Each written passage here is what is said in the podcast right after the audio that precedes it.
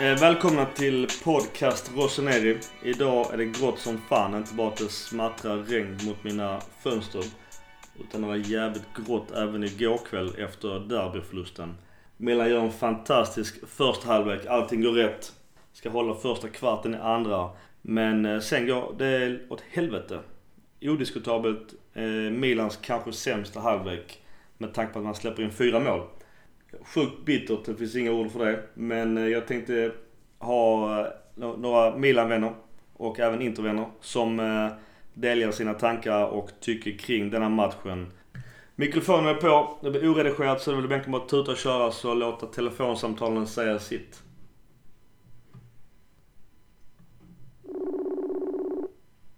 Okej Per, välkommen återigen till podcast Rossoneri. Tack, tack. Det var en tung match igår. Berätta, vad tycker du, tänker du? Nej, Det är ju en eh, fantastisk första omgång. En av de bästa man har sett på lång, lång tid. Och så är det det svartaste mörka i andra omgången där. Det blir blytungt. Lite positivt att hämta ut av de sista 45, men eh, de första 45 är ju noe av det bättre Milan har levererat på ganska lång tid offensivt. Första 45, är det någonting Milan kan, Milan kan bygga vidare på eller är det bara moralisk mörker? Nei, det, Jeg syns absolutt de første 45 er det noe å bygge på.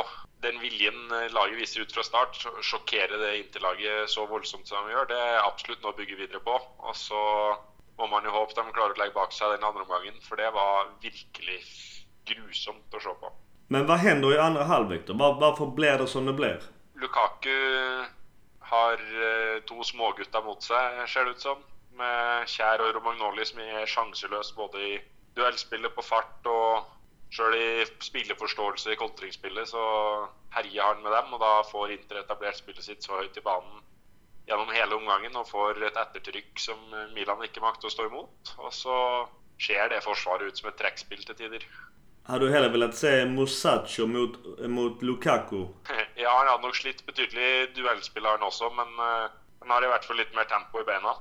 Og jeg syns han er bedre til å stå opp mot uh, motspillere enn det Kjær har vist seg så langt. Vi som skandinavier, tror du Kjær har spelat bort sin startplats nu? Vanskelig å si. Det virker jo som han er henta inn for å starte, men eh, jeg syns ikke han har overbevist eh, tilstrekkelig til å være eh, spiller som skal starte for Milan. Just i ni Milan Norge har ju varit också väldigt aktiva på sociala medier. Hur är snacket om Milan och Zlatan i Norge? Ja, nej, Det är jo nesten like stort som i Sverige, vil jeg tro. Eh, Zlatan har en enorm standing i Norge, og sjøl norske tidninger skriver jo enormt mye om Zlatan nå, og Milan har fått langt større fokus både i media, og vi merker også et større påtrykk rundt eh, vår supporterside og på sosiale medier.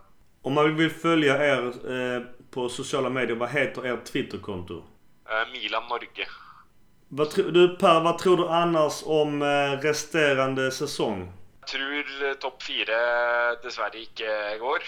Så da er det jo det å klare å komme seg inn i Europa og satse på femte-sjetteplass. Jeg syns jo det har vært stor bedring eh, den siste tida, og det har jo resultatene også vist. Så det jo grunn til å tro at man eh, skal kunne hevde seg i hvert fall på det man eh, kan regne som en vårtabell. Men eh, totalen blir for dårlig etter den svake høsten. Vi i vår podcast har pratat mycket om eh, italienska kuppen och om man ska lägga energin på möten mot Juventus. Hur resonerar ni i Norge kring kuppen och ligan? Sånn som ståa i ligaen nå, så ser jeg ingen grunn til å ikke prioritere cupen. Ha satsa alt i den semifinalen mot Juventus, men så vet man jo at det blir en uhyre tøff kamp. Men eh, det nå den ene muligheten til å få noe ordentlig positivt ut av denne sesongen. Det är mycket rykte om eh, eventuellt eh, ägarköp, ägarförsäljning i sommar. Hur resonerar ni i Norge kring det?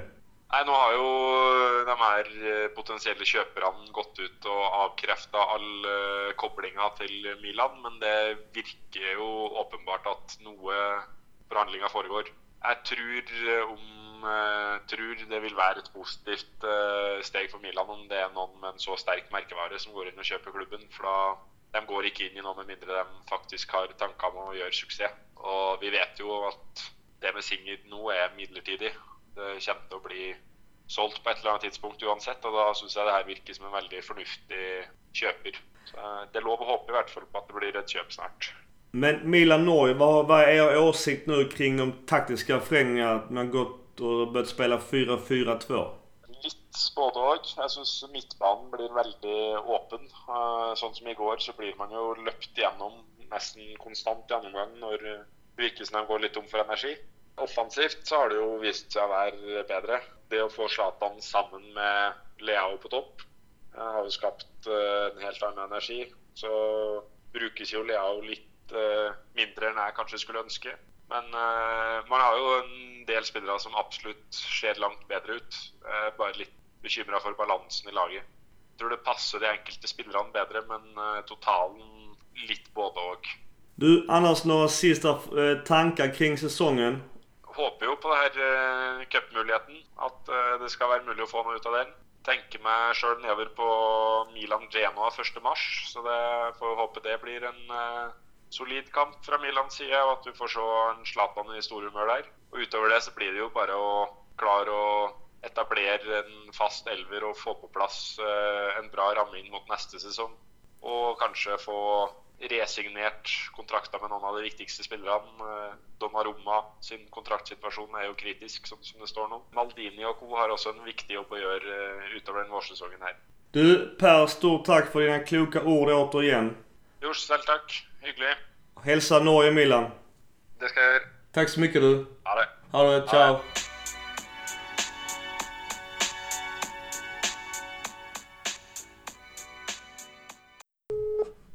Okej, välkommen Jonas. Tack så mycket. Tack att jag får vara med. Självklart. Det är en bitter dag från en bitter kväll. Vad är dina tankar från gårdagen?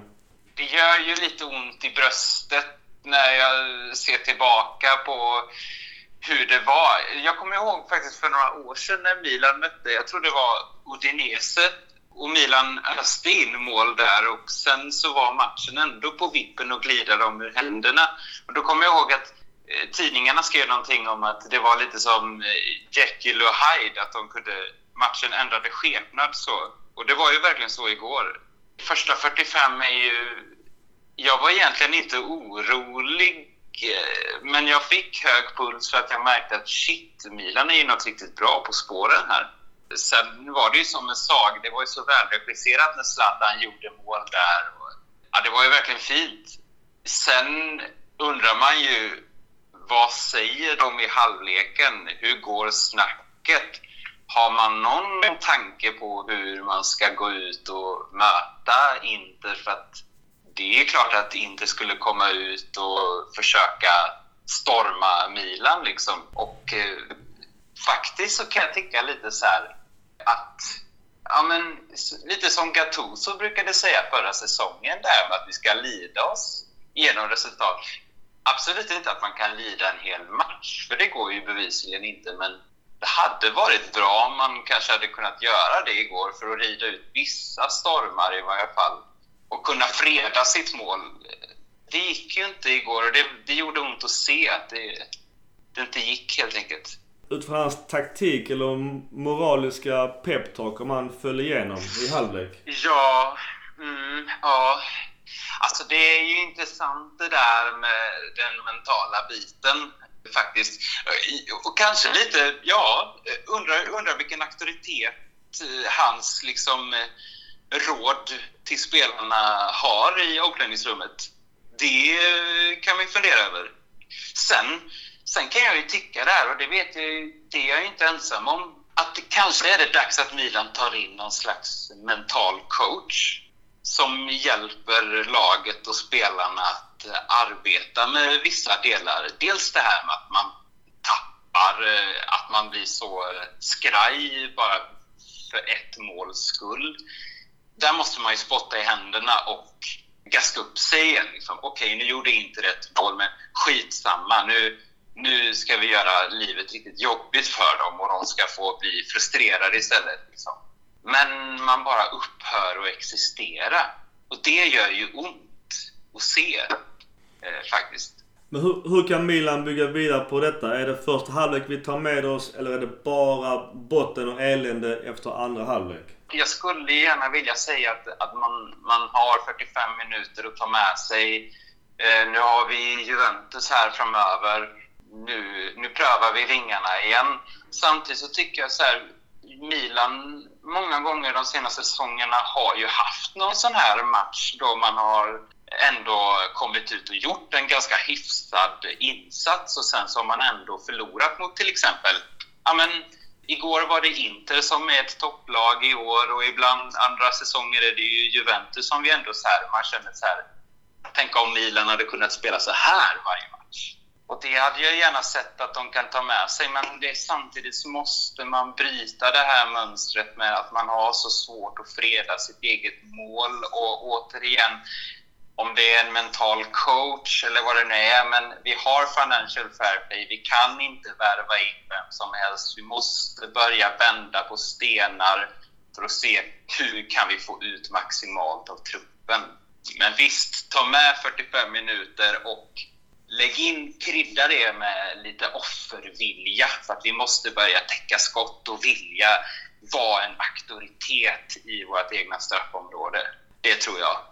Vad hoppas du av resterande säsong och tabellplacering? Nej, men jag vill ju såklart att vi ska bärga en Champions League-plats. Men eh, samtidigt så får man väl se lite till förutsättningar och eh, förlika sig med att det kanske inte blir så. Och eh, Juventus nu här i koppan över två matcher blir ju svårt, men det vore ju väldigt roligt nu med Zlatan och som eh, det har varit här med honom att, att de får lyfta en buckla hade ju varit jättekul såklart. Visst, jag tänker drömma. Jag ger inte upp. Jag vill ju att vi bärgar en Champions League-plats. Så är det. Något sista, någon sista tanke innan vi avslutar? många gånger kan man ju tycka så att det har funnits vissa syndabockar och så i en match som har gjort att vi har förlorat. Jag tycker ändå att vi hade den startelvan som, som skulle vara nu givet den truppen som finns och sådär. Lite mer Gattuso-lidande och eh, fortsätt med den offensiven som finns. Så ge inte upp nu. Vik inte ner. Vi får inte låta den här, den här derbyförlusten gå ut över resten av säsongen som det har gjort tidigare. Utan nu måste vi gaska upp oss igen. Det tar med mig nu. Du, stort tack för kloka ord och fortsätt lyssna på podcast Rossoneri. Ja, tack så mycket. Tack för att ni gör en väldigt fin podd. Det vill jag verkligen säga. Fortsätt med det också. Stort tack. Ha det bra så länge. Tack så mycket. Hej! Samma. Ciao.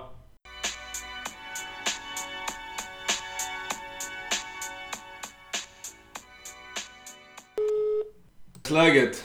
Jo då, försöker återhämta mig efter, jag vet inte fan vad man ska kalla gårdagens uh, schizofrena match. Ja, berätta. Hur tänker du Andreas? Uh, det var väl en av de där genomklappningarna jag sett ett fotbollslag göra från att vara så brutalt dominanta i första till att vara så brutalt överkörda i andra. Och eh, mm, jag vet inte om det är ungdomligheten i laget som gör att det finns inte riktigt rutinen när det börjar skaka det kändes som att helt plötsligt fick de någonting att förlora och då knöt det sig. Det var ju ett eh, mittfält som var överallt i första som var ingenstans i andra. Så det var bittert. Och sen eh, Zlatan är nära att kvittera. Men istället så blir det 4-2. Ja, det är var... sjukt surt. Vi har ju två i virket också som man lätt glömmer bort när man ser siffrorna bara. Man är inte med på banan i fram från 45 till 75. Det Frej på något sätt punkterade oss totalt fruktansvärt imponerad av första. Så att, eh, därför var det väl ännu bittrare att man torskar.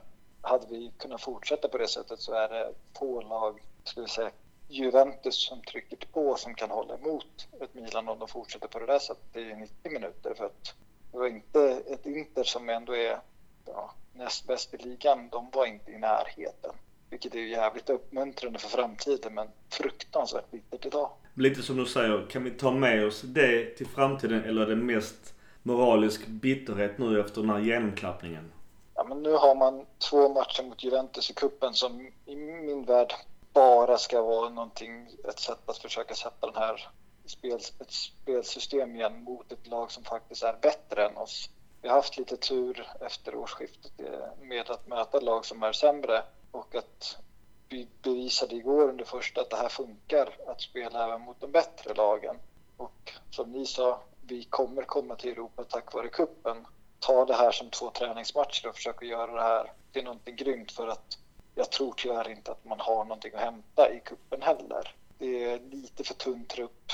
Vi har en fantastisk striker men han är 38 bast och kan vara värt att vila honom i alla fall i någon utav dem. Just den matcherna mot Juventus, jag, jag tror inte heller vi rör på dem. Men finns det risk att moralen är ännu lägre om, vi, om de kör över oss i två matcher här nu efter den andra halvleken? Ja men där måste Pioli, eh, dels måste han gå in men där måste även Maldini och Boban gå in för att de vet hur det är att vinna. Det gör även Zlatan men det gör, vet inte resten av laget. Ingen annan som har en, varit med och vunnit. Det är det bästa vi har vunnit, en italiensk supercup som vi lottade till oss för ett par år sedan. Annars har det varit, ingen har plockat en titel i det här laget som egentligen är värd att nämna, vilket är jävligt trist att säga. Men där har vi några som har vunnit. Maldini har väl vunnit allt utom VM, men han har väl ett brons och ett silver där. Så att, eh, han vet ju hur det är att också vara på den förlorande sidan, så jag tror att han kan trycka upp moralen i laget lite till, för man ser ju en klar förbättring i 4-4-2-arbetet. Man ser också att man har faktiskt börjat springa Eh, vilket är förbannat skönt att se för att det var väl ett av irritationsmomenten mot Suso men även mot Hakan att de tog hem jobbet. Nu igår så tycker jag att eh, flera matcher så har Hakan tagit hem jobbet och man ser ju, han drar ju en projektil i virket i, är det tionde? Så man bara, ska det vara en sån dag? Och det visar sig att ja, det vart en sån dag. Det vart lite stolpe ut. Men sitter den eller sitter Zlatans, det är liksom det. Eller som ni visade på Facebook, Alexis är millimeter från att vara offside på sin framspelning. Då, då har vi en annan match. Så det är pissigt att säga, men små marginaler i fotbollen. Så det bara tar dem tyvärr. Det är bara att bita ihop, komma igen och försöka vinna nästa. Vad hoppas du annars på av resterande del av säsongen? Nej, men bygg vidare på det vi har. Eh, jag tycker att det här ser bra ut. Det är en ung trupp, men man har sett en fantastisk utveckling på nytillkomna, de som man plockade egentligen i somras med Benazer som den liksom egentligen efter årsskiftet klarast lysande stjärnan. Men Tios höst var ju fantastisk. Kan vi bara få lite ordning på om han ska egentligen spela vänsterback eller vänsterytter? Det är upp till någon som kan det här än bättre än vad jag kan, men se lite vad man kan få ut utav. Kan man få igång en Liao? Rebic har helt plötsligt börjat vakna. Hakan har börjat springa. Man märker att Jack kommer inte spela tyvärr så mycket mer för att det går för långsamt. Det finns några till på den, men där tycker jag faktiskt man gör det bra under vintern, att man väljer att sålla bort dem. Jag tycker det är synd att man kanske inte sållade bort lite tidigare, men nu gäller det att försöka få igång, kanske få in någon mer Primavera-spelare som kan få spela för att vi behöver någon som kan avlasta. Kanske ta, få ta några enklare segrar så att vi inte behöver slita ut oss totalt för att vi har i ett tvåmannaanfall har vi faktiskt bara två anfallare och det är väl det som skrämmer. Att vi är extremt beroende av två, kanske tre spelare. Det är väl det, be till någon högre makt att de håller ihop. Du Andreas, eh, stort tack för kloka ord och ett extra, extra stort tack för dig och du vet varför. Och fortsätt gärna lyssna på podcast Rosaneri. Det vet ni. Ha det gött. Ha det gött. Tack så mycket Andreas. Ha det fett. Tack. Samma. Hej. Ciao.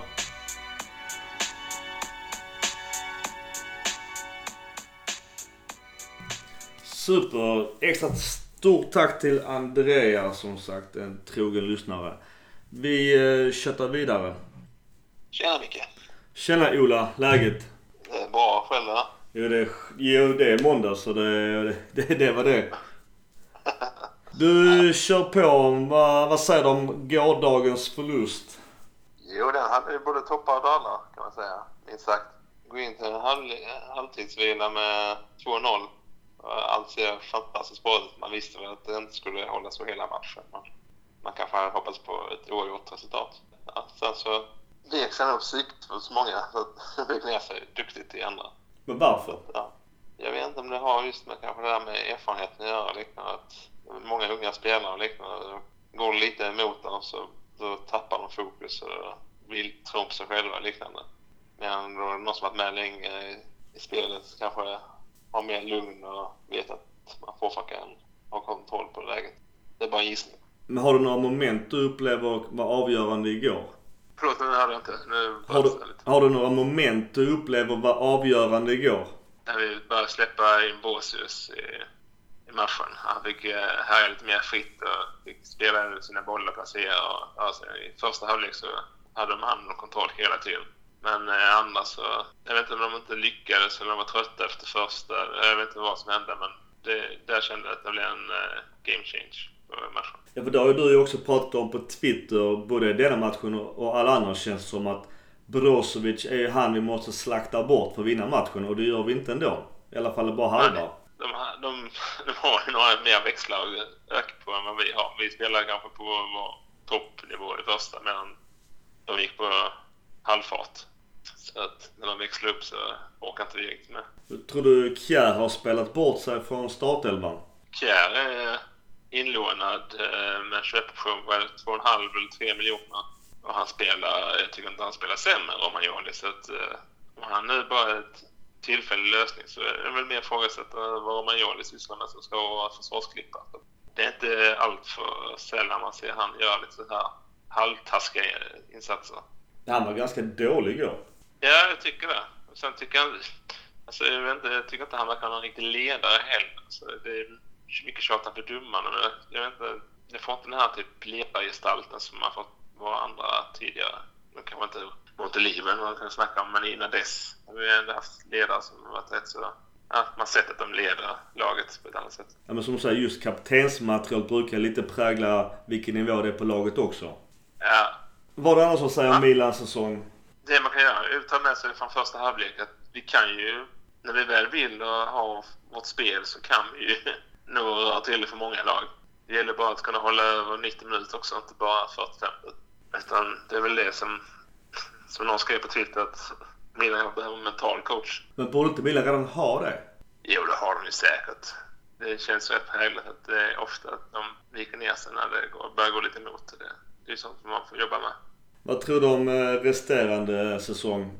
Ja, alltså nu- Europaplats har vi fortfarande chans på. Sen är det frågan om man vill ha en sjätte eller femte plats eller om man vill göra som sista, man vill hoppa det. det. Alltså vi har ju även att lagen runt oss är ju också blandar i rätt mycket. Tänk framförallt på Roma, känns ju inte alls som någon kandidat fyra, topp fyra placerings. Utan det tror jag Atlanta, att Atlanta har just nu, men de kan också sjabbla till det ibland har man sett. Så att ja, det är fortfarande nog inte helt kört, men det är ytterst, ytterst liten chans att du skulle nå en topp fyra. Men en eh, femte, sjätte plats tror jag är helt rimligt fortfarande. Du Ola, någon sista tanke du vill dela med dig från eh, Milan och matchen? Ja, man kände sig som en kung i halvlek. det var en härlig känsla. Det, alltså, vi har haft många där, men nu har jag inte sett alls så här bra ut. Så det var fantastiskt fin första halvlek. Som vi, det är nog länge sedan vi såg dem spela ut inte så mycket som vi gjorde första. Så det får man ta med sig och hoppas man på att de kan bygga vidare på det. Men eh, det är ju en lång väg kvar. Du Ola, fortsätt lyssna på podcast Rosaneri. Det gör vi alltid. Och ha det fett, så hörs vi på Twitter. Det gör vi. Ha det gott. Tack samma, ha det gött, ciao! Hej. Ciao.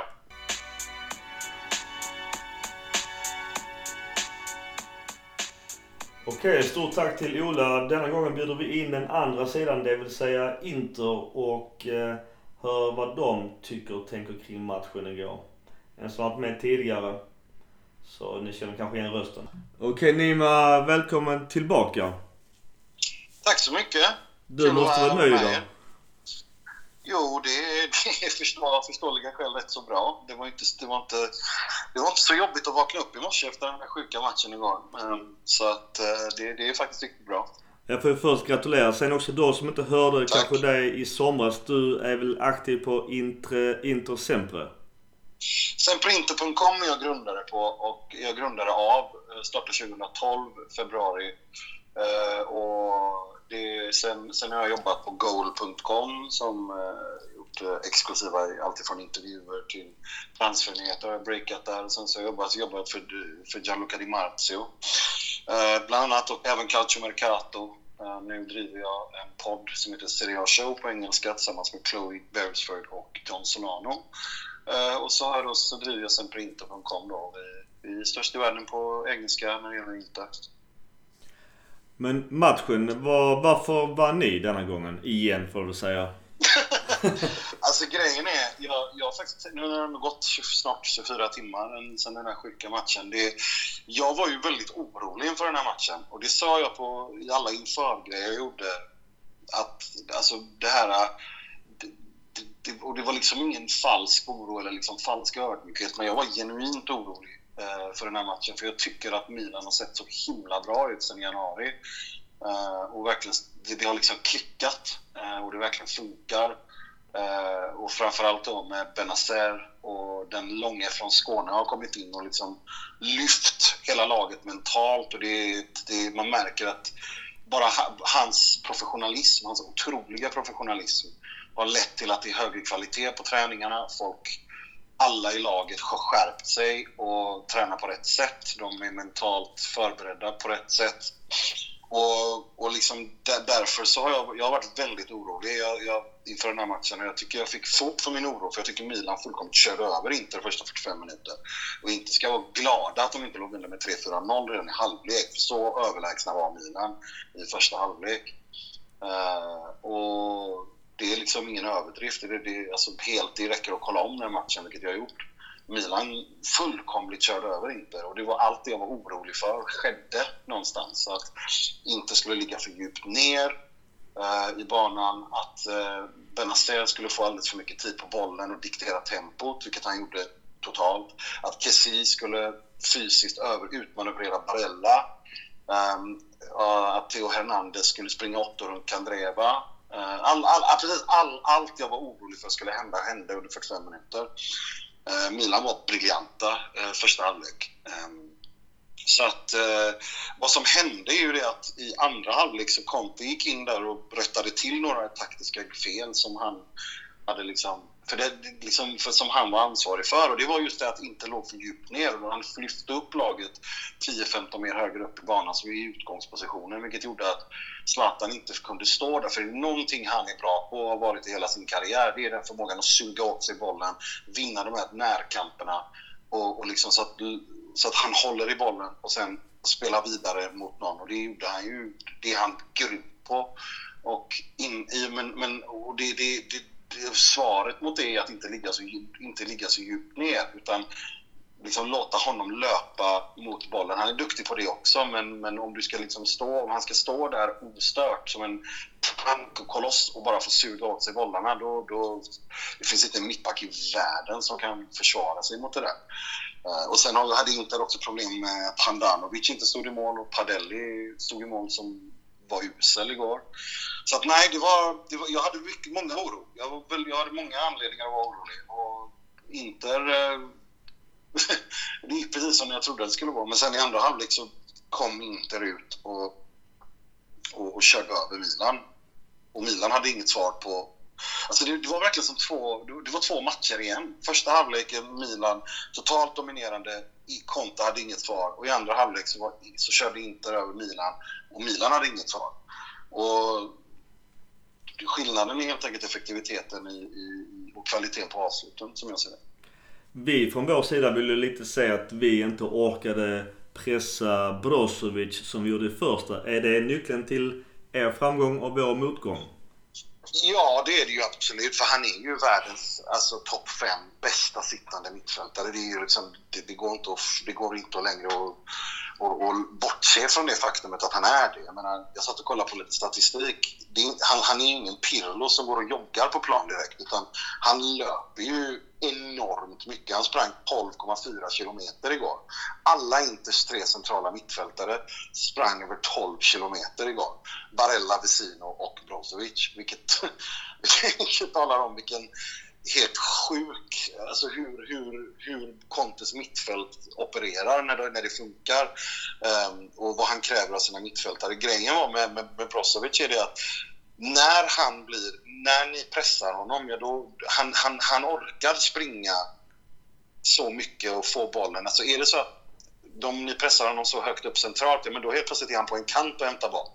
Alltså det, det, och löper med den och driver med den. Och det, det, det, är det som är hans styrka, är att han, han orkar göra de metrarna i 90 minuter. Ehm, hur förstår jag inte. Jag, jag, begriper inte hur en människa kan springa 12-13 kilometer varje match i en, över en säsong och sen har du Contes träningsdos som är sjukt hög. Jag menar, jag såg DiMarzio gjorde en intervju på brittiska Sky där han, där han avslöjade att Pintus och Contes grillar de här spelarna.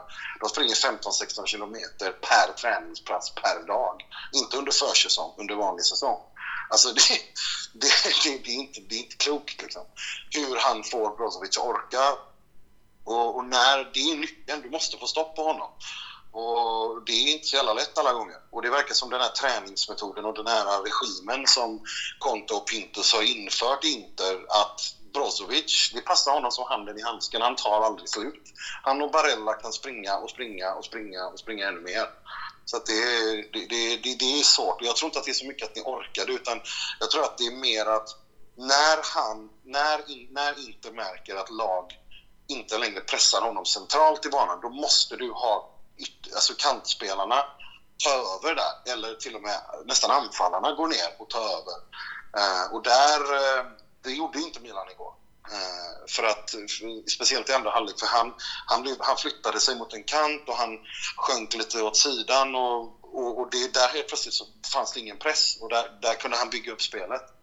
Um, så jag tror det, så jag, jag, vet inte om det var att man inte orkade, men jag tror också att Pioli inte räknade med att han skulle ut på en kant, för han har inte gjort det tidigare.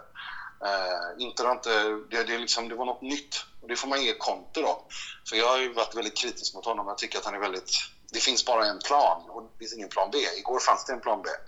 Uh, och uh, det var kul att se. Jag tänkte just den här träningsmängden du pratar om. Är det inte risk, om man ser på andra sidan myntet, att det sliter sönder sina startspelare? ja, det, det är vad alla friska, sunda människor kan tycka. Men Antonio Conte är ju allt annat än en sund, frisk människa. Han, är ju, han, han, har sin, han har sitt sätt och det är så det är. Och det är därför han älskar Premier League-spelare. För de tränar, typ, liksom, de orkar det. Victor Moses kan springa så och därför, så lyckas, alltså därför lyckas han i, i, i ett kontosystem. Um, ehm, det, jag, jag personligen håller helt med dig. Jag, tycker, jag fattar inte varför man ska springa som en, som en jävla hund. Liksom. Men, men han, hans fotboll är så intensiv och så, så hög intensitet att mitt, speciellt mittfältarna och yttrarna måste löpa. Jag menar, Milan Skriniar spelar mittback och han sprang 10,5 kilometer igår. Ja, en, mitt, en mittback ska inte springa 10,5 kilometer. Uh, liksom, det är inte riktigt så. Men å andra sidan, han är ju liksom mittback, alltså vänster mittback eller vad man ska säga, så det är klart att han löper mycket. Men, nej, men alltså, det, det, är ju den typen av fotboll Conte vi spelar. Han är ju inte riktigt klok i huvudet och det, det, det vet vi ju att han inte är. Så, men, men, det är den typen av fotboll han vill spela. Jag tycker personligen att det är fullkomligt dumdristigt att hålla på så här att du, du kan inte hålla på någonstans måste det ta stopp. Du kan, alltså det är ändå människor av kött och blod du har. Men det är därför han också samtidigt kräver en stor trupp på 25-26 spelare där alla är världsklass för att orka spela den fotbollen. Eh, så att, eh, och det är därför han klagar högt, högljutt när han inte får som han vill. Du Nima, sista frågan här. Vår gemensamma fiende är Juve. Kan ni rå på dem över säsongen? Nej, jag ska vara helt ärlig. Jag, du får tänka, Juventus, alltså nu spelar Juve, nu möter Juve Brescia hemma till helgen. Inter, Inter och Lazio drabbas samman i Rom. Med allra största sannolikhet kommer den matchen sluta i kryss eh, och Juve drar ifrån igen. Det, det, är lite så. Det här, Juve är för bra, som jag ser det. Jag, det, här, det här är inte säsongen som Inter ska vinna ligan. Det här är säsongen inte ska utmana om ligan. Och det gör man ju. Eh, det här är säsongen som inte ska ta sig till en final i italienska cupen och kanske vinna den. Ehm, går, gå, lite, går till en kvartsfinal semi i Europa, eh, liksom Europa League. Jag hade ju hoppats att vi gick vidare i, i CL till åtminstone en kvartsfinal eh, eller, eller en åttondel. Men det gjorde vi inte. Nu får man ju liksom säga en kvarts semi i Europa League där någonstans. Det där tror jag, liksom, det, det, det, är det som man kan kräva av det här laget. För det är inte ett färdigt bygge. Det, det saknas lite det saknas lite pjäser, framförallt viktiga pjäser. Jag tycker inte ni har inga alternativ förutom Ashley Young och Victor Moses på kanterna. Och de, det är väldigt viktiga positioner. Kandreva har gjort en helt fantastisk säsong, men, men på, vänster, på vänsterbacken, eller vänsterytterbacken eller vad man ska kalla det, det där har inte inga alternativ och det, det, det, går liksom inte att, det går inte att utmana om en titel när du när du inte har en kant. Uh, Ashley Young är 34 år, han kan inte spela fyra matcher, tre matcher i veckan i fyra månader. Det går liksom inte. Uh, och, och Biragi håller inte på den här nivån. Det har han ju visat med all önskvärd tydlighet. Så att uh, det här laget är inte, det här är, det är inte färdigt. Uh, och uh, därför så tycker jag inte... Min Juves, Juve har ett komplett lag. Juve, Juve kan spela i en och samma match, kan de spela tre olika formationer som alla är lika bra. Uh, och, det är, och, det är inte nu man ska vara bra. Det är i april, mars, april man ska vara bra och då är Juve alltid bra. så att, ja, för mig är det här, det här är Juves titel liksom. Du Nima, återigen stort tack för kloka ord och ett lycka till mot just Juventus.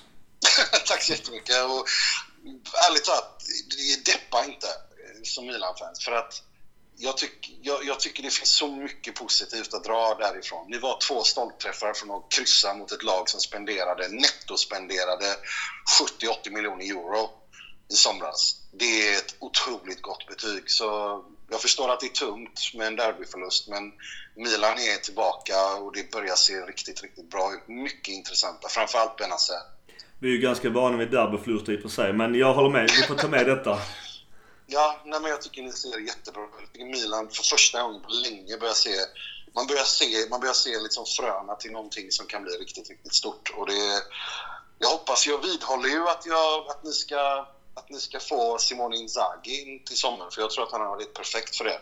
Men om han inte skulle komma så tycker jag att Ivan Djuric hade varit ett, ett, ett, bra namn också, för jag tror att det är där trenden verkar gå i italiensk fotboll, den typen av fotboll. Och det han har gjort med Hellas, Hellas spelar ju som ett topplag nu. ja, fantastiskt. Så att eh, det... Nej, jag vet inte. Jag, jag, jag, har, jag har väldigt positiv... Jag, jag, jag, tycker inte Milan ska... Jag tror Milan kommer sluta topp 6 faktiskt. Eh, eller precis där omkring med Napoli. 6 7 och med tanke på den sjuka säsongen jag haft så... Alltså den, den katastrofala inledningen med Marco Giampaolo som var en urusel utnämning till att börja med. Det är faktiskt imponerande att ni har kommit så långt. Och sen har ni en snubbe som, vet, som på passet står att han är 38 år gammal, men han är ju Peter Pan, han blir ju aldrig gammal. Så han kan vinna många matcher åt er och kommer göra det. Du, tack för fina ord. Vi, vi tar dem med oss helt enkelt. Tack. Ha det Tack så mycket. Ha det gött. Ciao.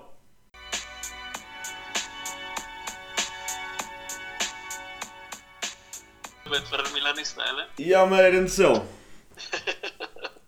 Du, eh, El Presidente Milan Club Svezia, välkommen. Tack så mycket. Du, berätta, vad letar ditt hjärta? Vad säger du om matchen igår? Jag, jag har kommit på att varje gång du ringer så svarar jag.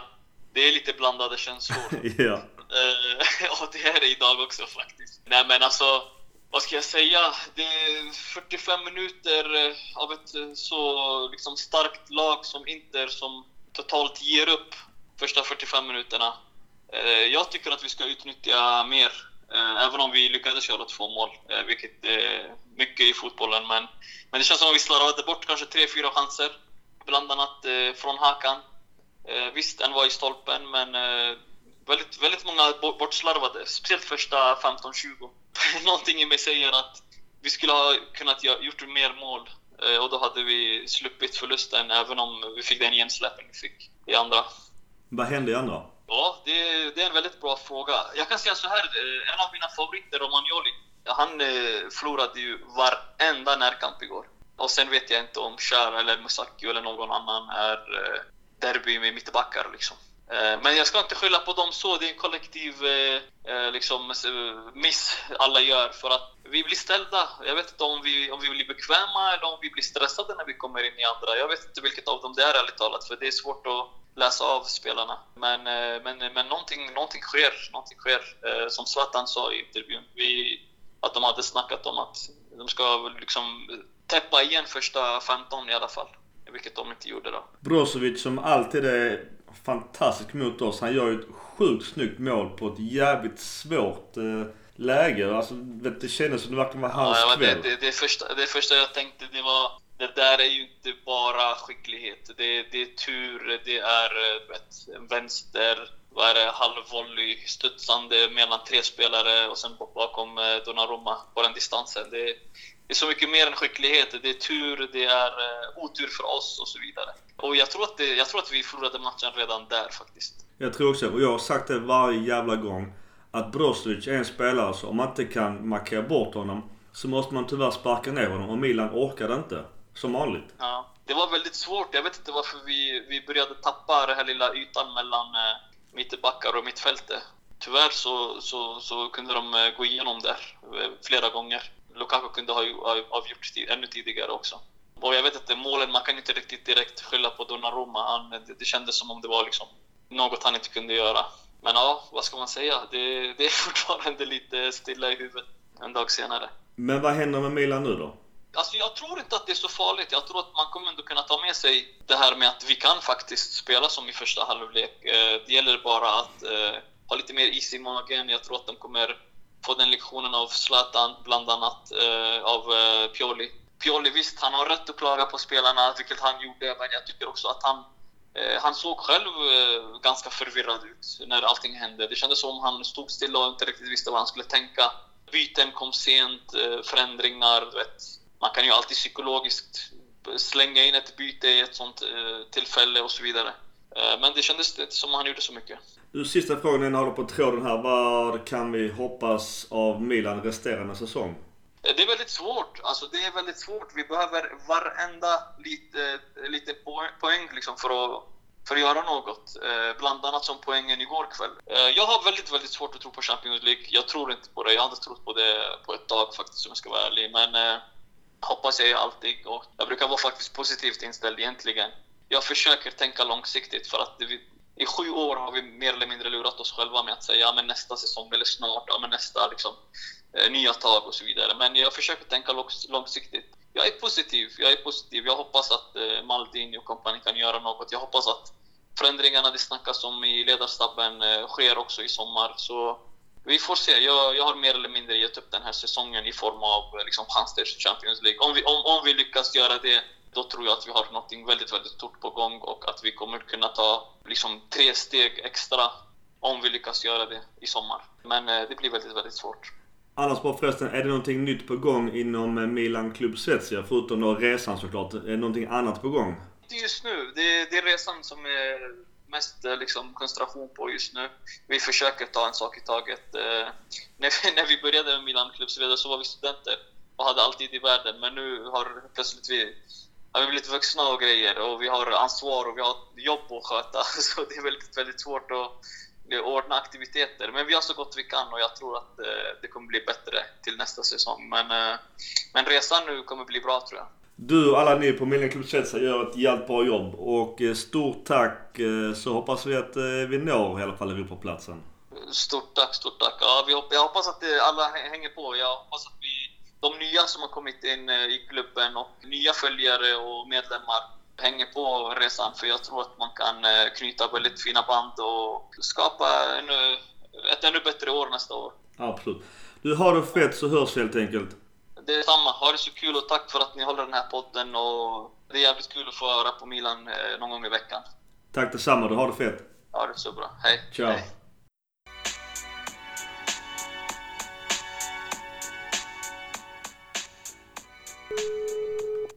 Okej, välkommen Oskar också Milan Club Svezia. Tackar, tackar. Tung dag idag. Hur känns det och vad hände igår? Känns tungt. Stor besvikelse. Jag vet man ska inte förklara bort om man kan tappa bort en sån stabil ledning. Liksom. Det, spelet såg bra ut, men nej, jag vet inte. Det går inte att förklara bort andra halvleken. Alltså. Mentaliteten är så jävla svag i laget, liksom, så trots Zlatan så räcker det inte till. Men är det bara han som har attityden? Förklara detta. Ja, det är väl det egentligen. Alltså nu har ju Rebic kommit också. Och det, man ser ju på honom att det är ett helt annat hugg i honom om man jämför med andra laget, alltså Rebic och Zlatan då, då. Men de andra, de, det är för vekt. Alldeles för vekt. Jag vet inte om man ska börja med Conte redan alltså. Jag vet inte. Han upphävde offsiden. Ja, ja men precis. Igen? Det, ja, men det, det är sånt hjärnsläpp. Det är katastrof liksom. Och jag vet inte, alltså jag, jag måste nästan skylla det på Pioli också. För det är, det är något som man måste pränta in i huvudet, hur man agerar i positionsspelet. Och det ska liksom sitta på den nivån. Då kan man inte hoppa, hoppa och göra, ja, Just- göra bort sig totalt helt enkelt. Just Conte känns som en spelare som alldeles för mycket och ofta tittar på boll och inte spelet och spelare. Ja, och det är, det är samma sak med Calabria också. Det är liksom hela vår ytterkant som är helt lost, om man säger så. Det är alldeles för svagt. Nu har ju Selemakers kommit in också. Jag tyckte han gjorde ett lovande inhopp i förra matchen. Så det skulle ju kunna vara något att slänga in istället. Men samtidigt så är han nog förmodligen värvad som ytter, som alternativ istället för, eller som ersättare för Borini. Jag vet inte riktigt hur van han är att köra som ytterback. Men annars hade ju han varit en, ett alternativ då. Stora frågan blir ju idag lite hur Milan går vidare. Om man ska ta med sig sin första halvlek eller om man ska ta med sig moralkatastrofen i andra halvlek. Nej, men man måste ju ta med första halvlek. Det såg ju väldigt bra ut faktiskt. Det måste man ge dem. Och så har vi nu inför Juventus, som är nästa match. Då, då går det inte att gå med huvudet nere fortfarande. Man måste upp med huvudet direkt. Precis som Zlatan sa efter, efter intervjun. Då, då. Det är bara upp med huvudet och på igen liksom. Mm. Går inte att göra något annat. Men vad borde Pioli och Milan gjort när det började rasa? Förlåt, nu hörde jag inte. Vad borde Pioli och Milan gjort när de började ta- tappa matchen? Det handlar väl egentligen om att behålla fokus. Behålla fokus. Men kom upp igen, hålla huvudet högt liksom. Inte, inte sitta neråt. Det är bara på igen liksom. Man kan inte ge upp bara för att man släpper in två snabba mål. Utan det är bara på igen och kvittera liksom. Man kan inte göra annat. Men kan detta vara en Det- fingervisning att Milan behöver värva mer attitydspelare i sommar?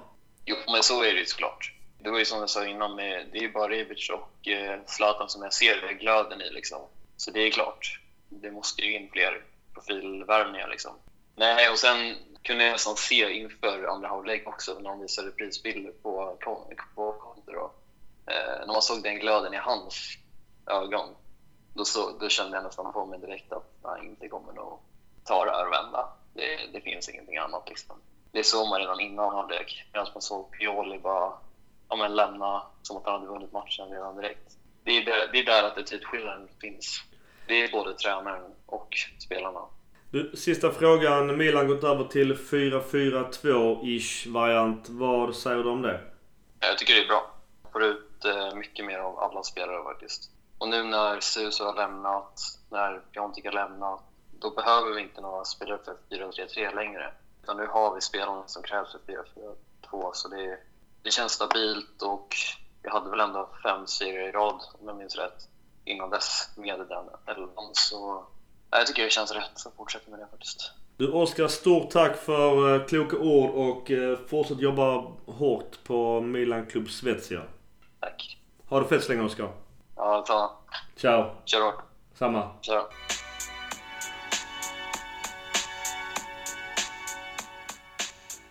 Inget mellansnack. Vi kör raskt vidare. Nästa samtal är mycket trevligt nog en kvinna som...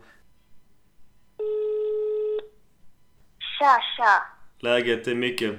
Jo, det är bra, det är bra. Hur är det själv? Jo, det är tungt. Efter eh, förlusten, eller? Ja, exakt. Hur, berätta, hur, hur var din känsla och åsikter kring matchen? Ja, vad ska man säga? Jag eh, vet inte riktigt hur man, hur man ska kunna förklara känslan där på plats. Det var helt magiskt på alla sätt, tror jag, oavsett vilket lag man håller på. För helt ärligt så tror jag, eller vet jag, att båda lagen faktiskt eh, njöt.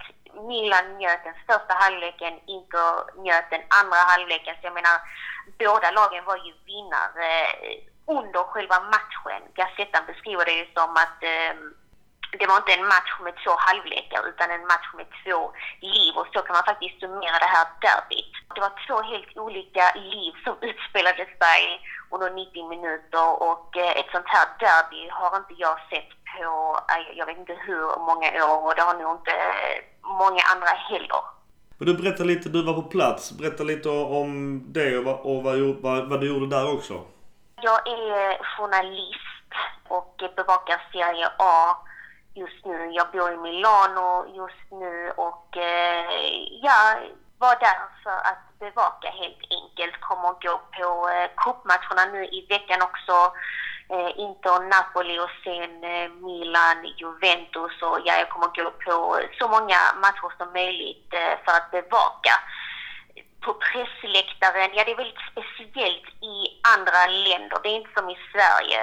Man, eh, man sitter bredvid journalister som är supportrar eh, öppet med vilket lag de håller på. Så, så fort eh, Inter gjorde mål eller Milan gjorde mål så började kollegor till höger och vänster om en skrika och liksom cheera för sitt lag. Så det, det är väldigt speciellt på, på det sättet också. Man känner också vibrationen på pressläktaren. Det var, det var speciellt igår. Milan eh, briljerade under första halvleken. Sen vet jag inte vad Inter höll på med, om det var de som var så pass dåliga som gjorde att Milan faktiskt kunde spela på det sättet. Det var en eh, magisk stämning. Jag tror det var Ashley Young som sa det var det kändes elektriskt inne på San Siro. Och det var det, jag tror det var 75 000, över 75 000 som var på plats så det var, det var en galen, galen stämning, galen match på, på alla möjliga sätt. Men var du snackade med någon efter matchen eller hur, hur var det efter matchen? Nu gick jag till mixade zonen. Förra matchen, Milan-Verona, eh, spelade ju varken Zlatan eller Kert. Jag, jag valde att gå på presskonferensen istället och prata med Pioli. Men igår kände jag att nej, nu vill jag ha en kommentar från Zlatan, så jag, eh, det var jag och SVT som var på plats, eh, TV4 också såklart, men de står ju i Flashzone eh, för de är ju rättighetsinnehavare. Men han stannade för oss. Jag ställde en fråga, vad, vad var det som hände i andra halvlek? Vad hände med laget? Och han sa, ja det, det är svårt att förklara vad som hände. Första halvleken var nästan perfekt, i andra var det helt tvärtom och, och han sa att laget totalt tappade självförtroendet så fort de gjorde det där första målet. Att allting kollapsade bara och, och han, han, tror att det har med, med erfarenheten att göra. Man, man tappar inte bara en 2-0-ledning så. Det har med, med erfarenheten. Eh, spelarna i laget är inte tillräckligt erfarna, mogna kanske. Och ja, vi var inte på tårna, sa han. Så han var besviken men eh, ändå väldigt sansad och, och trevlig. Stannade för många journalister och så. Vad, sa han någonting om hur Milan kan bygga vidare på här från första halvlek eller hur var framtidstankarna? Då, han pratade ju om att det här, alltså första halvleken var någonting som de hade byggt upp hela veckan och det sa Pioli också på presskonferensen att det här är liksom frukten av vad de jobbade med under hela veckan. Och, och han är här för att hjälpa laget. Han har kommit hit för att hjälpa laget. Nu var de inte tillräckligt på tårna, men han ser redan fram emot nästa match, och den mot Juve nu på torsdag. Fortsätter de att jobba på samma sätt, inte tappa självförtroendet som de gjorde i andra, så, så tror jag faktiskt att det kan komma att bli bra. Vi har ju redan sett att han redan har gjort så mycket för, för Milan sen han kom in i laget. Det, det, det betvivlar ingen på. Ingen tvekar på det han har gjort och ger laget. Gazettan beskriver honom som en ledare både spirituellt men också på planen. Så han, är, han ger väldigt mycket.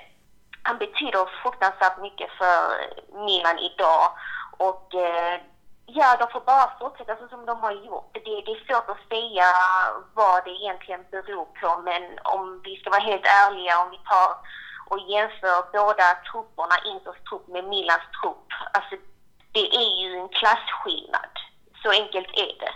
Sen har eh, Milan fått in Zlatan Ibrahimovic, absolut, men det är fortfarande en klasskillnad och jag vet faktiskt inte vad det var, eller vad Conte sa till ditt lag i halvtidsvilan. Enligt honom själv så, så sa han inte så mycket men det sättet som de lyfte sig och kom in och bara tog över och åt upp Milan, ja det, det, det är klasskillnad. Han sa att man får jobba vidare på, på det de har jobbat på under veckan. Vi får se hur det går nu i Juventus. Juventus, vem vet, de kanske får en nytändning och, och köttar på så som de gjorde i första halvlek. Juventus går det inte så jättebra för heller nu. De förlorade ju mot Verona i helgen. Folk snackar om en kris med Sarri. Så det är ju inte heller ett eh, lag som är på topp, topp just nu. Vad säger annars eh, journalistkåren nere i Milano i Italien om eh, Milan efter det här derbyt och vad som hände? Många är chockade. Må- många tycker att derbyt var, vissa kallar det en film. Det här var en film. Och refererade till att det var Oscarsgalan i natt också. Att ja, det här var en perfekt film för Oscarsgalan som lätt hade vunnit en, en Oscar. Eh, alla var i, i chocktillstånd tror jag. Men samtidigt så, så tror jag att, det, att de flesta hade väl på känn att Inter skulle vinnas sett till, eh, ja, bara det att de eh, har så många poäng mer än vad Milan har och hur deras säsong har, ut jämfört, säsong har sett ut jämfört med Milans. Men alla blir nog chockade över den första halvleken. Det, det är nog det som har chockat folk mest. Sen såklart hur Inter tog över i andra och så, men, men journalistkåren ser väl som, som Milan säger att det, det är erfarenhet som, som behövs här. Det är erfarenhet som, som faktiskt avgör matchen. Klasskillnad rakt av. Du har ju kanske varit i kontakt med spelare dessförinnan i, i tidigare matcher. Hur är annars eh, stämningen och mentaliteten i Milan annars? Den är mycket bra just nu eh, och det är faktiskt tack vare Zlatan Ibrahimovic. Han har kommit in och eh, lyft laget och det ser man ju bara på hur uppmärksamheten kring Milan ser ut nu jämfört med vad det gjorde innan. Allas ögon riktas mot och på Milan just nu. Det gjorde det inte innan. Det här har också gett laget lite hopp, spelarna hopp. De har en ledare nu som, som öppet säger att han aldrig ville lämna laget. Han är här för att hjälpa och det, det är en av världens största fotbollsstjärnor. Så, så det har hjälpt enormt mycket. Så trots den här förlusten så tror jag faktiskt inte att, att eh, de är djupt deprimerade just nu faktiskt. Jag tror att de ändå känner hopp och, och tro. Nu har de en, en spelare som Ida i laget som kan hjälpa till. Visst, eh, det, de kanske inte kommer att vinna alla matcher och, och de kanske inte kommer att vinna med liksom skitbra siffror men samtidigt så, så kommer de kanske, kanske nå en Europaplats. Det är fortfarande möjligt. Man, man tror fortfarande att man faktiskt kan eh, nå den här platsen och det är väl det som gör att de, eh, de kämpar vidare och inte ger upp. Eh, Nicole, stort tack för kloka ord och eh, har du någonting att rapportera från Milano så är du alltid välkommen att höra av dig. Ja men tack snälla. Tack så jättemycket. Och eh, njut av livet nere i Milano. Det verkar som något jävla drömjobb. Det är ett drömjobb. Det är ett fantastiskt jobb. Vill du byta så hör av dig. Absolut, absolut. Det ska jag göra. Tack så mycket Nicole. Var rädd om dig så hörs vi helt enkelt. Ja men tack så mycket. Ta hand om dig. Detsamma. Ciao! Ciao, ciao.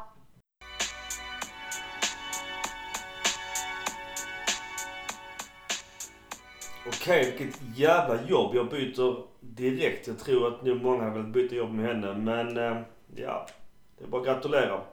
Jag tror vi kommer höra mer från henne i framtida podcast Rosaneri. är kul med en kontakt som är på plats. Hon och Jennifer Wegerup har ju varit, eh, är ju guld värda att ha som kontakt där nere. Och ytterst kompetenta kvinnor. Men eh, vi rullar vidare bandet.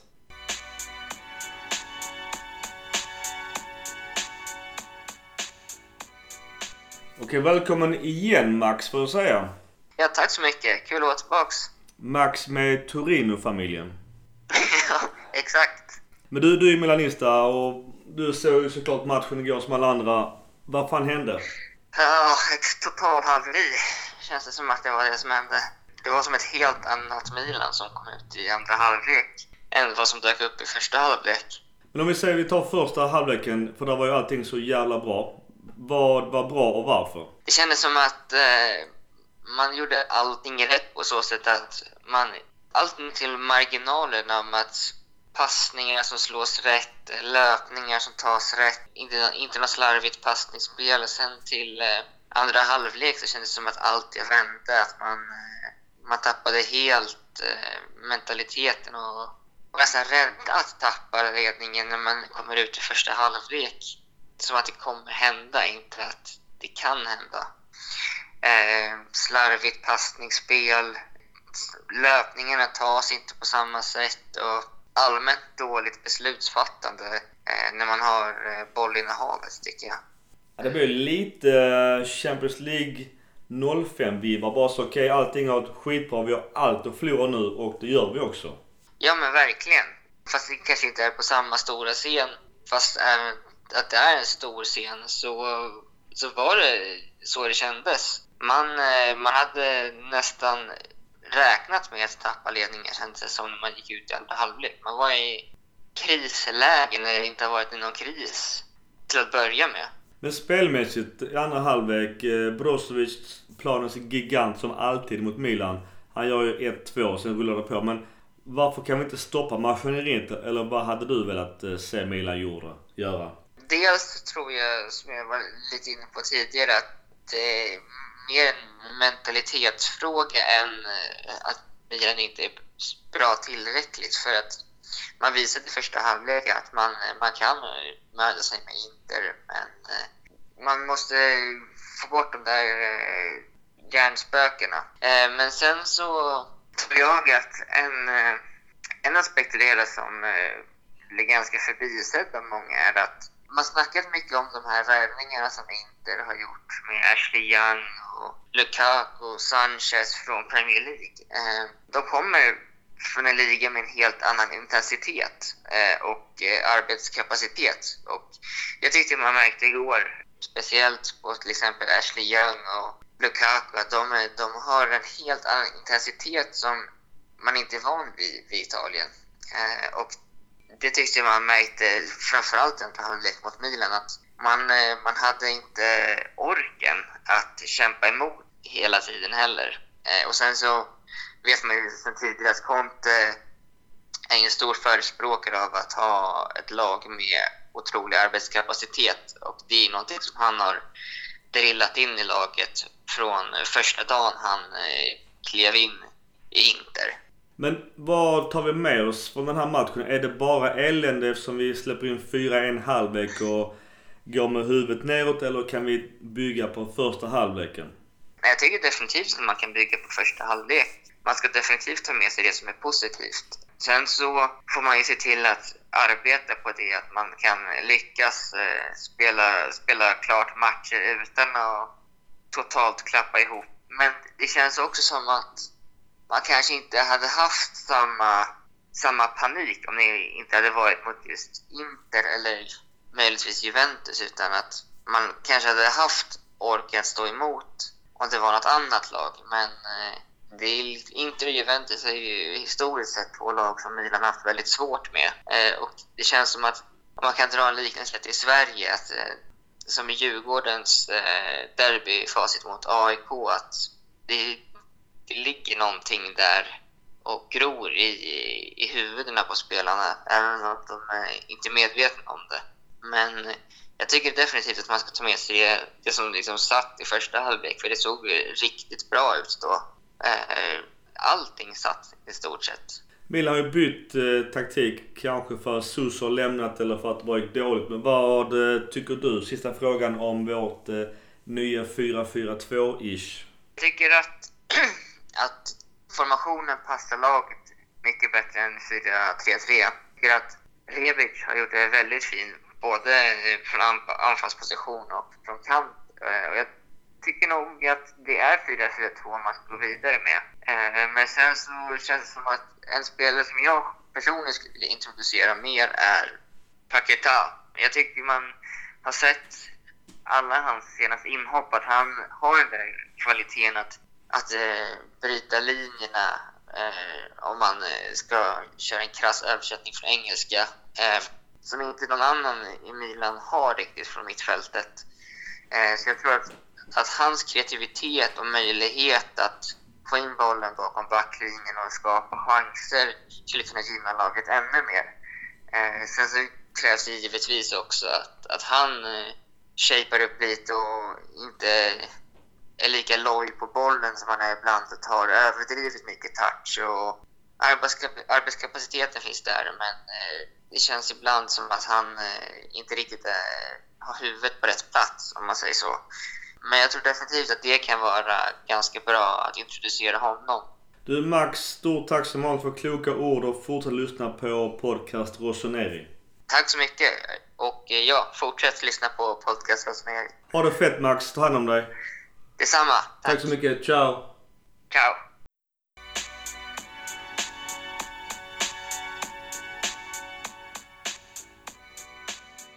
Okej, sista samtalet blev faktiskt ännu en gång till kusinerna från norra Milano och en snubbe som heter Konrad. Okej, välkommen Konrad. Tack så jättemycket. Du måste ha dubbel glädje. Inter vann som du håller på och Zlatan förlorade som du nog inte gillar.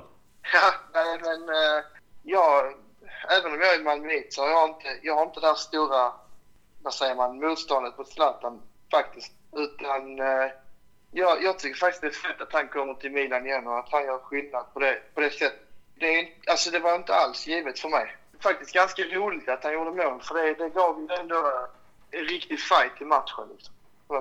Men vad fan hände sen? Vi ägde första, som alla vet. Och ni krossade oss i andra. Va, vad, hände, vad hände? Varför? Ja, alltså det är ju en legitim fråga, det måste man ju säga. Jag, jag tror liksom att på ett sätt, jag, jag skrev ju en prepartita på La Curva, eh, Svenska fans, så där jag skrev att jag tror att om inte Inter gör 100% i 90 minuter så kommer det inte bli någon poäng. Jag tror att väldigt många, både Milan och Intersporten räknade med att Inter skulle få det mycket lättare än vad det blev. För mig så, så var det givet att, att det skulle kunna bli så här. Sen, sen att det blev den vändningen, det, är- det är helt, helt otroligt och en av de största matcherna jag har upplevt. Eh, Jag var inte på plats men eh, du förstår hur jag känner liksom, även om du inte håller med mig kanske. Men moralen i Inter nu måste ju vara skyhög inför eh, vad som komma skall mot eh, Juventus och ligatitel. Ja, precis, precis. Nej, men det efter att ha haft en lite tuffare januari månad så, så kändes det ändå som att den segern mot Udinese förra helgen var väldigt viktig och nu att man slår eh, rivalen liksom. Det, det finns ju ingen bättre vinst kanske. Det skulle vara Juventus i så fall. Men det är ju tätt, tätt eh, mellan de två tycker jag. Förra avsnittet hade vi Interpodden på besök och då sa han att eh, vår gemensamma fiende tjuvarna från Turin har Inter någon chans i långa loppet mot dessa? Uff, ja, det är, det är en tuff fråga. Det, det tycker jag faktiskt. Eh, För att på ett sätt så tycker jag att vi har det. Eh, Juventus verkar ju inte ha värsta harmonin just nu och, och det ser inte ut som att värvningarna som de gör alltid är så lyckade. Utan eh, de, de har börjat spendera som Premier League-klubbarna utan att få ut samma resultat. Så det, är- Äntligen. jag tror det, ja men precis, jag tror det är lite oro där. Jag tror bästa för, för, för Serie A hade varit om, om, om något annat lag vann i år och då skulle det även kunna vara Lazio då ju. Eller vad säger du? ja, gärna Lazio. Ja, jo för dig är det nog Lazio som gäller va? De har ju samma färger som vårt gemensamma lag. Ja, precis ja. Men Intermatchen, eh, har, såg du någon taktisk förändring i, paus som gjorde att det blev sån jävla stor skillnad? Eller var, var det bara boosten och självförtroendet och fick de spöstraff i halvlek? Det är en väldigt bra fråga för att jag satt mig ner efter matchen och försökte smälta det så jag, jag kunde inte hitta något svar på detta. Eh, jag visste om att jag skulle prata lite med dig idag så jag, jag försökte fundera lite över det men på något sätt så kände jag ju att det här var, det här var en urladdning som få andra. Jag tror inte det... Jag tror det är något karaktäristiskt för Pazza Inter. Alltså det här gamla, galna sättet som, som Inter kan bete sig på. Att, att en halvlek var helt ute och cyklar och en annan halvlek var helt fantastiska. Det såg vi inte minst i, i, i Europa i höstas, vilket säkert gjorde dig glad. Ja, alltid. Men, eh, ja, men det som två halvlekar där mot Barca och mot eh, Dortmund. Första halvleken där eh, såg helt fantastiskt ut. Eh, och, och sen att faktiskt tappa dem båda till förlust. Det, det ledde ju till att vi åkte ur Europaspelet. Eh, Champions League eller Europa League var det men Ja, och, och att, att vi då nu har börjat göra lite tvärtom eh, i ligan, det, är- det är ju fantastiskt. Men orkar Eh, Inter kriga på tre fronter samtidigt? Ja, det är ju det som är frågan. Det är, det är ju, vi har ju eh, Napoli på onsdag i, i cupen eh, och den, det är ett dubbelmöte så att frågan är hur mycket kraft och energi man ska lägga på det.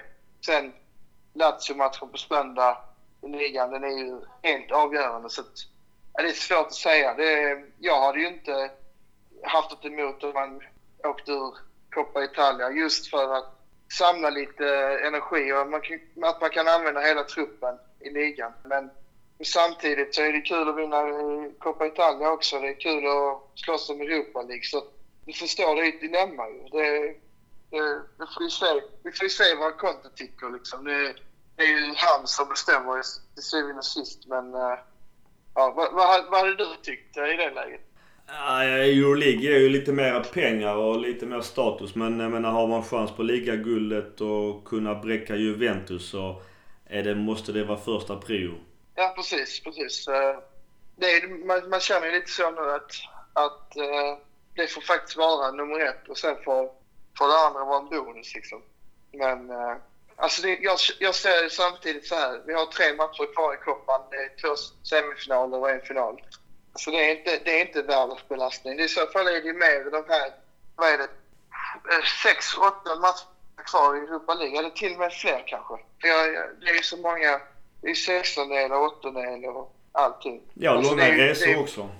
Precis. Jag tror nog att, att det kan vara Europa League som, som kommer i kläm där faktiskt. Uh, för Copa är hanterad. Du, sista frågan. Vem var bäst och vem var sämst i Milano-derbyt? Uff, det var en svår fråga faktiskt. Uh, bäst, bäst skulle jag nog säga, helt ärligt skulle jag nog säga Zlatan faktiskt. Jätteimponerad.